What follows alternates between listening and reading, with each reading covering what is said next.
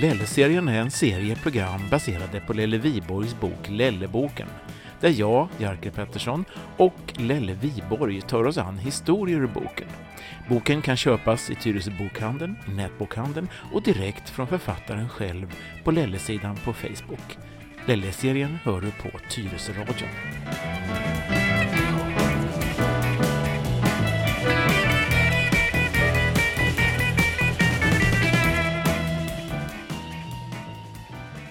Vi återigen välkommen åter till eh, Lelle Viborg här till Lilla studion och det tredje avsnittet i Lelle-serien. Tackar. Och som vi har valt att kalla denna serie där vi tar enskilda historier ur Lelleboken och breder ut dem lite grann och dissekerar och ser vad som finns före och efter och bakom. Och den här gången har vi valt, vad då? Den här gången har vi valt en historia som heter Om en bilverkstad på Tyresö. Om en bilverkstad på Tyresö. Ja. Mm. Ja, ska vi höra vad det var Ja. som hände då? Då var det så här att jag tyckte ju då att jag kände till det mesta ute på Tyresö. Hade koll på det mesta, vägar och allt. Och på den här tiden då så jobbade jag, jag körde taxi åt min far. Och han var ju åkare i Stockholm. Så att eh, det var, här handlade det inte alls om Tyresö Taxi. Men vi bodde ju här i Tyresö. Och du säger på den här tiden, det ska vi närmare bestämt Mm. Det är när då? 70-tal, eh, 74 skulle jag vilja datera det här till. 45 år sedan. Mm. Tiden går när man har roligt. ja, så är det. Men i alla fall så körde jag taxi åt min far som sagt. Och han hade då en, en Dodge Dart, alltså en jänkare. En taxi. En ganska stor bil. Ja, ganska stor. Och han hade snokat upp en bilverkstad ute på Tyresö som, som sysslade med eh, företrädesvis jänkare. Och jag hade aldrig, jag visste inte ens att den fanns men jag skulle i alla fall åka dit och byta bromsar och någonting mer på den här Dodgen.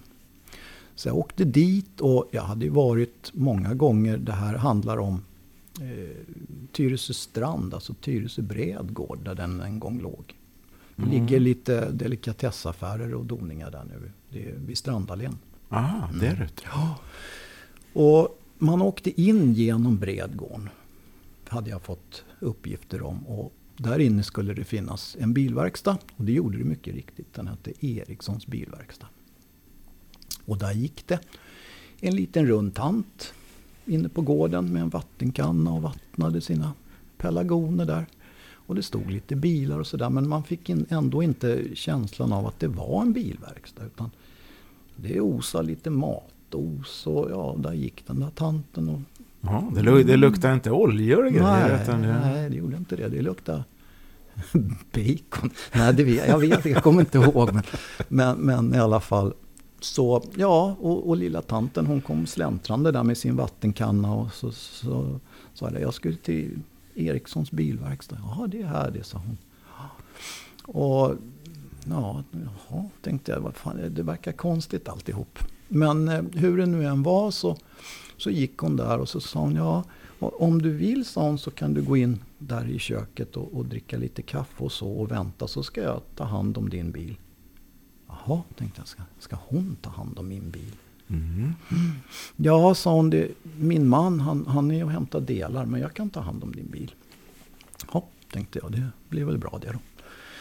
Och sen så försvann hon in i, genom en port där och sen så, rätt vad det var så kom hon ut igen och då hade hon fått på sig overallen, satt upp håret i en knut och ciggen hade helt plötsligt hamnat i mungipan och, och ja, det, var en, det var en annan tant som kom ut fast det var samma. det, var, det var någon slags så här eh, direkt byte där. Ja, precis. Var det så. Och, och sen så, så gick hon in i verkstaden och där så dånade det bara till och så kom hon utbackande med någon sån här värsta, värsta korvetten. Jag kommer ihåg att det stod Greenwood på den. Det var någon sån här riktig... Alltså det var som man...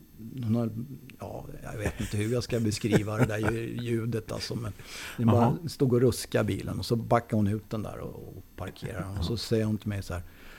Ja, den har sina begränsningar som familjebil. Den går på strippen vet du. Okej. Och, och i alla fall så hon skulle byta bromsar och hon skulle serva bilen och det var liksom, ja det var, det var en helt annan människa. Som, som, här snackar vi om en riktig rivig tant som förvandlades från pelargontant till, till eh, en riktig bilmäck. Ja. Och ja, det visade sig då att det var hon och hennes, det här var alltså fru Eriksson då. Och de, eh, de drev den här verkstaden tillsammans, hon och gubben. Och hade riktat in sig på jänkare. Och, och samarbetade med, eh, ska vi se här, Arne Nordqvist hette han. Han hade bilverkstad på Södermanna, eller bilförsäljning på Södermannagatan. Så att de, de sålde lite bilar och de fixade och donade. Jag köpte ett par bilar utav dem. Jag var där några år då. Och kom lite på, på kant med gubben där på slutet för att han eh, tyckte lite för mycket om slantar och tänkte i de banorna då. Medans, Mhm. medans hans gumma var ju, hon var en riktig pärla faktiskt. Hon var jätteduktig. Och det ser man alltså att det man först ser då, en, som du sa, pe- pelargontant som du uttryckte Mm, det uttrycket, mm, så mm. kan man då i ett förvandlingsnummer så Ja. visar det sig vara en genomskicklig bilmekaniker. Ja, faktiskt. Det sensmoralen i den här historien då, det är väl egentligen det att man ska inte döma folk riktigt så fort efter hur de ser ut eller vad de har på sig eller någonting sånt där. För Det kan, vara, kan finnas en bilmäck i pelargontanten. Det kan det göra. Ja. Man vet aldrig alltså. Nej. Den här, eh, vi- vilken sorts reparationer gjorde de då? Alla All, möjliga? alla reparationer. Ja, in, ja, till och med plåt tror jag också. Jaha okej. Ja, och de hade en kille anställd och sen var det då hon och gubben. Och, och ja, de var riktigt duktiga på det där. Hade de hållit på, hållit på länge med det? Eller var det liksom... Ja, de hade nog hållit på ett tag. Men sen så la de ner bilverkstaden faktiskt och började med eh, loppisar, alltså prylmarknader, antikviteter och, och sådana saker. Så Med de- anknytning till bilar då? Nej, Eller utan inte- helt... eh, Nej, in, ingen anknytning till bilar utan helt alltså de köpte stärbhus och, och, och sådana här saker. Och, det är, det är en mångsyssleri. Va? Då kan man ju Ja. tänka att jaha, först pelargoner Mhm. eller växtlighet och sen Mm. över till bilmekaniker och sen då gå till eh, antikviteter. ja, Det är en viss bredd va? ja, En de- människa kan göra många saker. Mm, visst, och, och loppisar är kanske synd att säga för att det var nog ganska fina grejer som de höll på med. Och det, och det var alltså auktionsverksamhet, de höll auktioner. Jaha, Mm. där ute. Ja. Det ser man. Det kunde utvecklas alltså. Ja. Hur länge höll de på då? Vet du då? Nej, jag vet inte det. Alltså bilverkstaden, den, ja, jag höll väl till där kanske under, och farsan också. Säg fem år kanske. Och, och sen så, så övergick de då till, till annan verksamhet så att säga. Ja. Det kanske var så också att eh, du sa det här var 70-talet och Mm. med tiden så blev inte amerikanska bilar hade inte lika stor försäljning Nej. i Sverige kan jag tänka. Nej, så, så var det nog. Och framförallt så, så inom taxi så gick det ju inte mycket jänkare. Det gjorde så, inte det? Nej, det, det var ju, det var ju då, de sista åren när vi höll på. Sen blev det ju när Volvo kom med sina bilar och, och, och, och Saab och alla de där. Så då blev det ju mer europeiska bilar. Som tog över det hela då? Ja, Jaha. Och då la de ner så då fick hon ta av sig overallen och slänga fimpen och ägna Ja. sig åt eh, gamla stolar eller vad det nu blir ja då. precis. Och gubben också. Ja. Ja.